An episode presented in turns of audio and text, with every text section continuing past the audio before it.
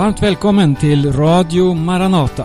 Jag heter Berno Vidén och vi är i sändning i 30 minuter framåt. Vi ska i det här programmet tala något om tidens tecken. Och det utifrån en bok som är skriven 1973 av David Wilkerson.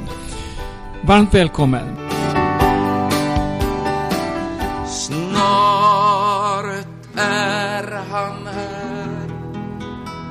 Snart är han här. Snart kommer Jesus igen. Snart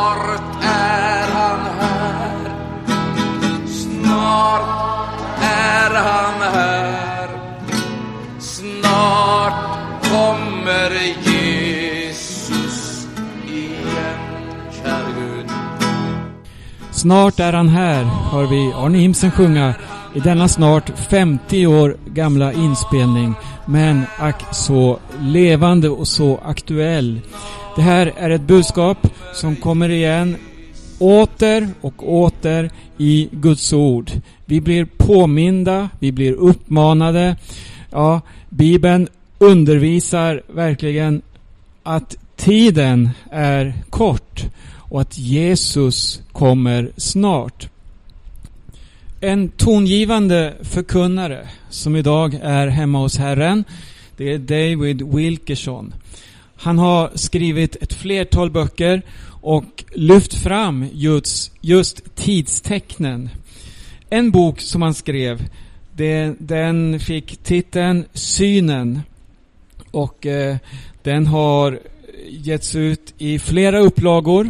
Den skrevs 1973 och eh, gavs senast ut 2011 i Sverige, alltså på svenska. På baksidan av den här boken så finns en text. Jag ska läsa den här. David Wilkersons profetia Synen utgiven första gången 1974 lästes länge med stor skepsis. Är det som beskrivs verkligen möjligt? Men i ljuset av internationell finanskris, växthuseffekt och jordbävningar i Japan, ja då blir synen mer aktuell än någonsin. Wilkerson förutsäger också fortsatt ekonomisk turbulens, problemen för bilindustrin och den alltjämt ökande sexualiseringen. Så eh, skrev de nuvarande utgivarna av den här boken, Marcus förlag, i sin beskrivning. Och jag minns som barn att den här boken kom ut 1974 eller 73, jag kommer inte ihåg riktigt. Men den, eh, jag läste den då. Och jag kunde inte greppa allt som eh, skrevs, men jag förstod att det var allvar bakom. Och så har åren gått. Så man fått återkomma till den här boken och se, ja men titta, det har hänt, det har hänt, det har hänt. Sak efter sak har gått i uppfyllelse utav det som Wilkerson skrev, eller den, utifrån den syn han hade 1973 och som han sedan skrev ner och spred vidare. I en biografi som är skriven över Wilkersons liv. Han eh, dog ju tragiskt i en bilolycka. Men i den biografin så finns det också en bakgrund till hur den här boken kom fram och hur den har spridits. Vi ska lyssna till Wilkersons egna ord. Det förordet som eh, var publicerat i första upplagan. Då skrev han så här. Innan du läser den här boken vill jag att du ska veta följande. Hela bokens budskap dateras till april 1973. Flera av förutsägelserna i denna syn har redan gått i uppfyllelse. Några kommer att fullbordas inom en nära framtid, andra åter under kommande år. Läs inte boken med en förväntan att alla katastroferna ska hända över en natt. Jag tror dock att det mesta av den här synen kommer att uppfyllas i vår generation. Jag har inte för avsikt att här bekräfta någon viss läromässig inställning till den stora vedermödan. När jag talar om förföljelse av de kristna menar jag inte vedermödan. Jag vägrar att låta mig dras in i diskussioner om när de kristna skall evakueras från jorden vid Kristi återkomst. Denna syn är inte en doktrinär utsaga. Jag förkastar åsikten att en sådan här syn endast skrämmer folk. Några menar att synen bara påskyndar katastroferna och att man får vad man predikar. Det kan jag inte alls hålla med om. Då blir ju konsekvensen att Noa åstadkom floden som han varnade för. Jag har nu delat med mig av min syn och kommer hädanefter aldrig att försvara den. Tiden och händelseutvecklingen får döma över dess budskap. Gud ska vara domare och oavsett vad vänner eller fiender säger kan det inte hindra mig från att varna för att alla dessa ting är sanna. I bokens inledning fortsätter Wilkinson och berättar hur han har haft två syner i sitt liv. Den första 1958 och sen denna som han hade sommaren 1973. Och då skriver han, jag såg fem tragiska katastrofer som drabbade jorden. Det var inga bländande sken, inga hörbara röster, inte heller var det någon ängel som talade. Medan jag låg försänkt i bön sent en natt kom synen om världskatastrofer till mig med sådan kraft att jag kunde inte annat än böja mina knän förstummad för att ta emot den. Han ville inte tro först på det han såg och hörde. Det var ett skrämmande budskap. Det var alltför apokalyptiskt och obekvämt för det materialistiska sinnet. Men synen kom tillbaka kväll efter kväll och han kunde inte skaka den av sig. Han skriver vidare här i inledningen att trots min fruktan och mina farhågor kan jag inte komma från övertygelsen att min syn måste publiceras. Gud har befallt mig att tala ut. Kom ihåg att det här skrevs på tidigt 70-tal. Då var mycket av det som presenterades science fiction. Man trodde att det här kommer aldrig att kunna hända. Att situationen för vår jord skulle vara så katastrofal. Att situationen i världen skulle vara så förfallen och så förljugen och så orättfärdig, fylld av hat och krig och förföljelse. Att ekonomin skulle se ut som de gör idag när merparten av världens befolkning lider under svår hungersnöd. Ekonomin fallerar. Ja, det finns mycket att säga, men nu ska vi lyssna. Jag ska läsa några av dessa tidstecken som Wilkerson presenterar i boken Synen. I vilken dag det ska bli när min Jesus jag ser när för hans fot jag faller ned han som döden för mig led när han tar mig i sin hand och leder mig till löftets land. I vilken underbar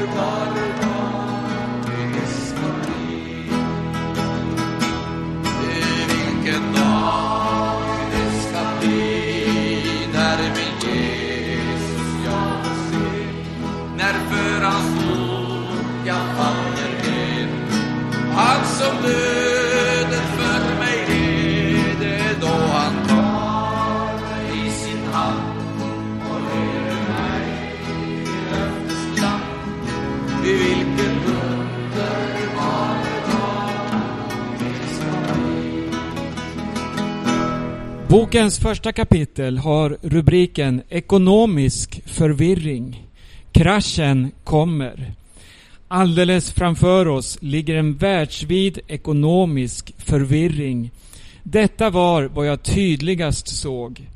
Många bedjande människor har upplevt samma sak.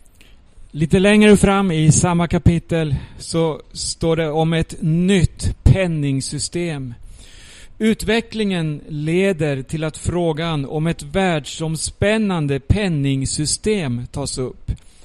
Trots att dollarn ser ut att stärka sin ställning alldeles före den kommande stora recessionen utvecklas en ny kris som skakar hela finansvärlden. Det kommer att ta åratal innan tron på den amerikanska dollarn har återupprättats.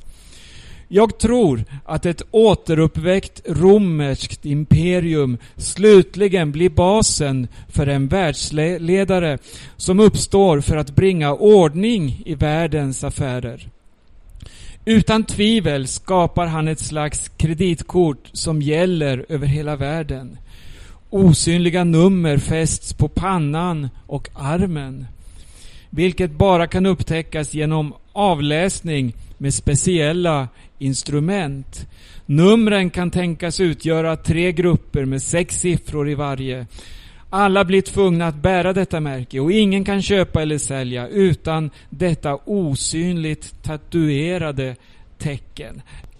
Det här skrevs alltså 1973 och kom ihåg att idag, 2017, är det här en verklighet som många människor faktiskt redan använder sig av. Det finns teknik och så vidare och det underlättar på många sätt. Idag handlar det om bekvämlighet men Bibelns ord, ja det går alltid i uppfyllelse. I samma kapitel fortsätter Wilkerson och så skriver han om denna världsomspännande ekonomin. Och han skriver bland annat så här. Bered dig på att få höra talas om världsomfattande handelsavtal övervakade av en internationell kommitté med stora befogenheter. Stränga riktlinjer dras upp för den internationella handeln och framtvingad av stormakternas intressen kommer en världsmarknad till stånd. För att uttrycka det enkelt, vi blir snart vittnen till hur en världsvid handelspolicy utvecklas övervakad av en supersekreterare som utrustas med utomordentliga maktbefogenheter av alla länder som bedriver internationell handel. Snart är han här Snart är han här Snart kommer Jesus igen I kapitlet som följer så tar Wilkerson upp väderförändringar och jordbävningar. Runt om i världen blir det drastiska förändringar i väderleken som slår alla rekord. En del experter tror att detta orsakas av vulkanisk aska efter utbrott på Island som nu förs vidare av jetströmmen i troposfären. För min del tror jag att bara en del av förklaringen kan ligga här i. Genom århundradena har världen varit vittne till ödeläggande jordbävningar, värmeböljor med stort antal dödsfall som följd, fruktansvärda översvämningar och alla slag av bizarra förändringar i väderleken. Men sedan har allt återgått till det normala igen. I min syn såg jag mycket litet av övernaturliga inslag i de drastiska förändringar vi sett hittills. Men jag ser också mycket tydligt ett gudomligt ingripande äga rum över hela världen. Det är bäst att världen förbereder sig för väderförändringar som inte kan förklaras med andra termer än övernaturliga. Världen ska snart se början på födsloverkarna genom historiens mest drastiska väderförändringar, jordbävningar, fruktansvärda naturkatastrofer som vida överträffar allt annat. Sen fortsätter han att skriva om jordbävningar, jordskalv som drabbar Förenta Staterna, alltså USA. Och längre fram i samma stycke, ett annat jordskalv, möjligen i Japan, föregår det jag ser drabba Amerika. Det här vet vi, det är inte länge sedan det var ett stort jordskalv som förde med sig stora konsekvenser i Japan. Jag fortsätter läsa. Jag hyser inte minsta tvivel på denna kommande massiva jordbävning på vår kontinent. Den blir många gånger starkare än jordskalvet i San Francisco. Jag hoppar ytterligare fram i samma stycke. Och han säger jorden kommer bokstavligen att skaka och på olika håll i världen drabbas man av ett otal andra jordbävningar. Detta är en dom som vetenskapsmännen inte kan förklara. Det är ett övernaturligt ingripande i mänsklighetens angelägenheter. Det är en Guds handling och en Guds dom vars ödeläggande följder kallar människorna till bättring och vördnad inför övernaturliga ting. Det kan slå till när som helst och det finns ingen möjlighet att fördröja det. Människan kan bara med bävan och förundran se på när Gud demonstrerar sin kraft i jordbävningen. I stycket som följer så tar han också upp ett skrämmande område som vi ser idag. Hungersnöden. Den kommer, skriver han här. I vår generation drabbas världen av hungersnöd då miljoner dör av svält. Katastrofala år ligger framför med torka, översvämningar och andra naturkatastrofer som fördärvar stora delar av världens livsmedelsproduktion. Vintrar utan snö ger dystra skördeutsikter och hungersnöd drabbar centrala och västra Ryssland. Indien, Pakistan och hela sydöstra Asien kommer att drabbas svårt. Den långvariga torkan i Afrika och Brasilien lättar tillfälligt men snart förvärras förhållandena igen. I Afrika svälter miljoner människor. Har du följt utvecklingen i Afrika? Där man nu befarar flyktingströmmar på 20 och fler miljoner människor som är på väg upp mot Europa. Orsakat av denna hungerkatastrof som gör länder obeboeliga. Vi står idag inför skrämmande framtidsutsikter, fortsätter Wilkerson, då befolkningen i världen växer snabbare än livsmedelsproduktionen. Redan har det gått så långt att problemen inte kan lösas.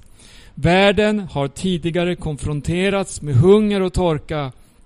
Men den här gången finns det en skillnad. Förut hämtade vi oss. Det blev åter goda skördar. Nu blir det inte så. Vi har redan haft allt för många dåliga år och värre blir det. Situationen försämras ytterligare. Befolkningsexplosionen omöjliggör en lösning av problemen. Så ger han sedan också bibelord på denna utveckling. Och vi kan se i historien och vi kan se i nuet att så här är det idag. Naturen gör uppror, står det i ett senare stycke här. Naturen visar sin vrede med ökad intensitet under den närmaste tioårsperioden. Det blir korta perioder av lindring, men nästan dagligen får mänskligheten se naturens vrede uppenbarad någonstans i världen. Dessa rekordartade förändringar överträffar allt annat i den vägen.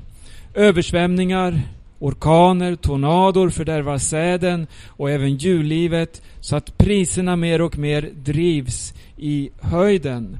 Kom ihåg än en gång, det här skrevs på tidigt 70-tal. Idag vet vi vad dessa orkaner, översvämningar, tornador och så vidare ställer till med och har ställt till med redan. Jag vill ha med ett till område och då är vi i bokens tredje kapitel. Än en gång, 1973. Då fanns inget internet, det fanns inte kabel-TV, det fanns inte all denna flod av filmer, av pornografi och av våld och allt elände som sprids över hela vår jord. Det fanns inte då. Det fanns ondska, det är sant. Det fanns, men, men på det sätt vi efter globalisering, teknologiskt sett, när vi kan kommunicera, vi kan fånga upp i stort sett vilka kanaler vi vill, var vi än befinner oss på den här jorden. Det här skrevs innan denna teknologiska bomben, skulle jag vilja säga, som förändrade scenariet så oerhört. Lyssna här. Ve er, alla jordens och havets invånare, för djävulen har kommit ner till er i stor vrede, för att om möjligt förvilla även Guds utvalda. Hur tänker Satan försöka ansätta och förvilla Guds utvalda? Jag tror att han försöker nå sitt mål som är att förföra mänskligheten genom att åstadkomma ett moraliskt jordskred. Han kommer att öppna helvetets dammluckor och överskölja världen med en flod av erotisk smuts och sensualitet. Detta moraliska jordskred överträffar allt vad mänsklig hjärna kan frambesvärja. Redan sveper en demonisk lustans ande över många länder och medför nakenhet, perversion och en flod av smuts. Vår värld får gå igenom ett smutsbad så intensivt att det till och med anfäktar många innerliga kristna. Bibeln berättar om Lot att han led i sin rättfärdiga själ både dag och natt på grund av synden i Sodom. Snart kommer kristna att bli utsatta för sådan smuts och sensualitet att det krävs ett verkligt fast grepp om Herren för att överleva. Det som befinner sig på gränslinjen till världen kommer att falla huvudstupa. Det som inte söker skydd i Guds trygga ark blir bortsopade av denna smutsens flod. De större TV-stationerna fångas av detta moraliska jordskred. Snart kommer det att försöka visa scener med nakna bröst. Så kallad topless kommer att bli den nya flugan bland dem som vill liberalisera olika massmedia. När den första chocken hos allmänheten lagt sig introducerar man full nakenhet. Först sker det på ett smakfullt sätt. När sedan kultureliten förenar sig i en lovsång över detta genombrott för artistisk frihet, ja då öppnas dammluckorna på vid gavel och vad som helst blir tillåtet. Även vissa präster prisar nakenscenerna i TV och försöker förklara det som en hälsosam utveckling. Mycket litet gör för att stoppa det. Förvånansvärt nog är det inte predikanter eller sådana som är kända för att vara hängivna kristna som sätter sig upp mot denna utveckling, utan istället vissa TV-personligheter. Och Wilkerson fortsätter Inom en icke alltför avlägsen framtid kommer de mest ondskefulla, osensurerade porrfilmerna att visas på vissa TV-kanaler efter midnatt. Kabeltelevisionen är redan föremål för påtryckningar från producenterna. I flera av de större städerna i Amerika, Kanada och Europa visas redan porrfilmer av värsta slag. Dessa kommer direkt från producenter i Sverige, Danmark och USA. Dessa gräsliga filmer framställer full nakenhet, sexuellt umgänge, homosexualitet, tidelag och sadism. Och så ska vi ta med också något av det han skriver om undervisningen i skolan. Sexualundervisningen på högstadiet och universitetet kommer att belysas med sexualakter på film, vilket ersätter de nuvarande diagrammen. Jag vet att den tiden inte är långt borta då studerande i högre skolor utsätts för filmer i sexualundervisning som framhåller sexuellt förspel och umgänge. Det annonseras som mycket smakfullt gjorda av professionella artister. De studerande får lära sig att homosexuell kärlek är normal och att sexuellt umgänge mellan ogifta är önskvärt om båda respekterar varandra. Tecknade sexfilmer blir nästa uppfinning i undervisningen. Efter att till en början ha varit ganska tama och oskuldsfulla blir de mer erotiska och rakt på sak. Det här är en beskrivning av den svenska skolan idag. Och till sist, homosexuell epidemi. Det finns bara två krafter som hindrar de homosexuella att helt ge sig hän åt sin synd. Det ena är samhällets förkastelse. Den andra kyrkans undervisning. När samhället inte längre förkastar deras synd och stämplar den som abnorm utan istället accepterar dem och uppmuntrar dem i deras abnorma förehavande. Och när de kristna inte längre predikar emot det som synd utan överser med deras sexuella aktiviteter, då existerar inte längre några hinder. Dammluckorna är öppna och de homosexuella uppmuntras att framhärda i sin synd. I min syn såg jag hur dessa två vägspärrar undanröjdes. När det sker, då blir följden kaos. Tro mig när jag säger att inom kort kommer vi att i dagstidningen får läsa upprörande rapporter om hur oskyldiga barn attackeras i parker och på gator av homosexuella gäng.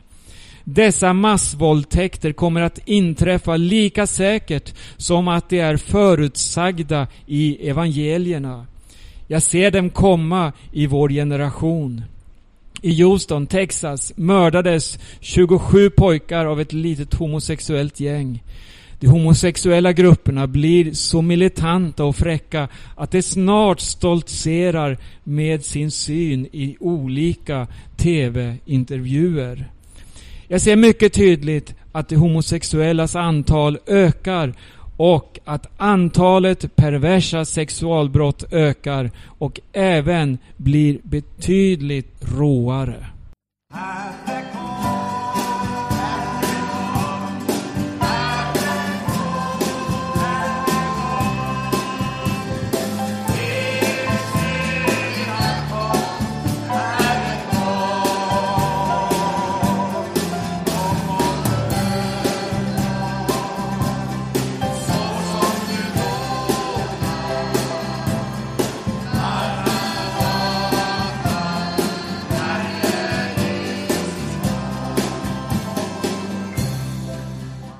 Du lyssnar till Radio Maranata och vi har i det här programmet lyft fram en bok av David Wilkerson som heter Synen. Den gavs ut redan 1974 och den är mycket aktuell idag. Mycket av det han skrev har gått i uppfyllelse. Den, boken går att beställa från Marcus förlag. Radio Maranata sänder varje morgon klockan 8, måndagar och onsdagar klockan 18. Maranata.se är vår hemsideadress. Jag heter Berno Widén och önskar alla lyssnare Guds rika välsignelse. Kom ihåg, Herren kommer snart. Det är mänsklighetens enda hopp. Maranata. Amen.